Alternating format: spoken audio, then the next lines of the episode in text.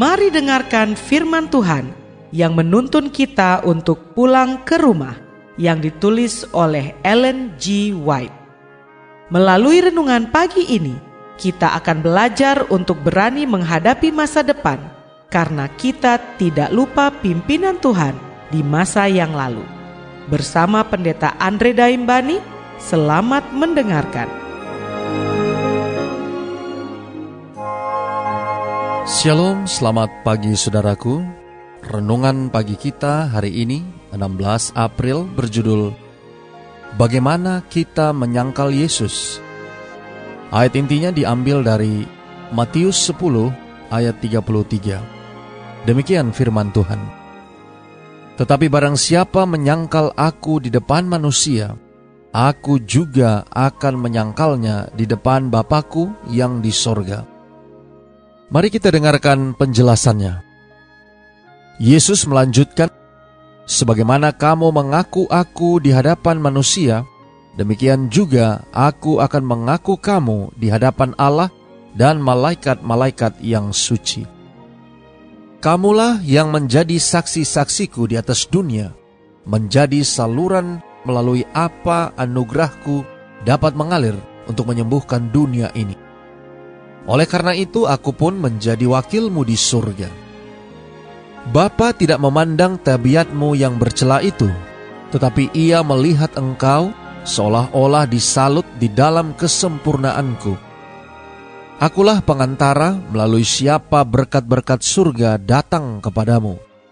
Dan setiap orang yang mengaku aku dengan jalan turut ambil bagian menyaksikan pengorbananku bagi orang yang telah hilang itu akan diakui sebagai seorang yang turut ambil bagian di dalam kemuliaan dan kesukaan orang tebusan.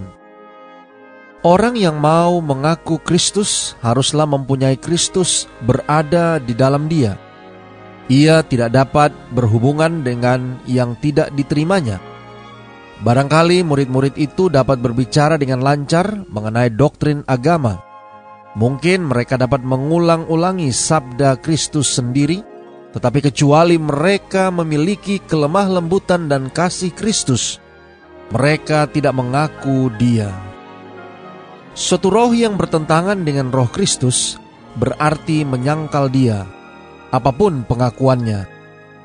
Orang dapat menyangkal Kristus melalui ucapan yang jahat, dengan percakapan bodoh melalui perkataan yang tidak benar dan tidak ramah. Mereka dapat saja menyangkal dia dengan jalan mengalahkan beban hidup oleh mengejar kesenangan yang penuh dosa. Mereka bisa menyangkal dia dengan cara kompromi dengan dunia, dengan tabiat yang tidak sopan, oleh mengasihi pendapatnya sendiri, dengan membenarkan diri sendiri, dengan keragu-raguan, mencari kesusahan, dan tinggal di dalam kegelapan. Di dalam cara-cara yang seperti ini, mereka menyatakan bahwa Kristus tidak ada pada mereka.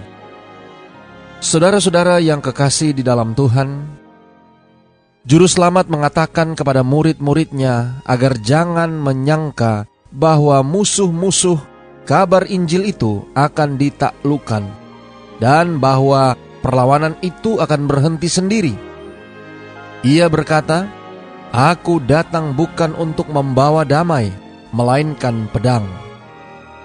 Timbulnya perbantahan ini bukanlah akibat kabar Injil, melainkan hasil perlawanan terhadapnya. Dari semua penganiayaan yang paling berat ditanggung, ialah perlawanan di dalam rumah tangga, kebencian sahabat-sahabat karib dunia. Tetapi Yesus berkata, Barang siapa mengasihi bapa atau ibunya lebih daripadaku, ia tidak layak bagiku. Dan barang siapa mengasihi anaknya laki-laki atau perempuan lebih daripadaku, ia tidak layak bagiku. Tugas hamba-hamba Kristus adalah penghormatan yang amat tinggi dan mulia. Tiada perbuatan yang baik dan ramah yang telah ditunjukkan kepada mereka atas namanya yang akan gagal diakui dan diberi upah. Dan di dalam pengakuan ramah serupa itu, ia mengikut sertakan yang terlemah dan terendah dari keluarga Allah. Alfa dan Omega jilid 5, halaman 385 dan 386. Doa kita hari ini. Bapa terima kasih. Melalui renungan pagi ini, kami boleh mendapatkan suatu amaran yang sangat penting dalam kehidupan kami. Terima kasih melalui renungan pagi ini kami diingatkan agar kami dengan penuh keberanian dapat mengaku Yesus di hadapan dunia dan tidak malu untuk mengaku sebagai anak-anak Tuhan. Tolong kami hari ini Bapa. Biarlah dengan pertolongan kuasa roh kudusmu, kami boleh dapat disanggupkan untuk senantiasa menunjukkan identitas kami yang sesungguhnya sebagai anak-anak Tuhan sebagai bagian dari kerajaan sorga. Dan biarlah berkat seperti apa yang dijanjikan, bahwa engkau juga akan mengakui kami di hadapan Bapa di sorga. Terima kasih Bapa. Inilah doa dan permohonan kami kepadamu. Di dalam nama Yesus kami berdoa. Amin.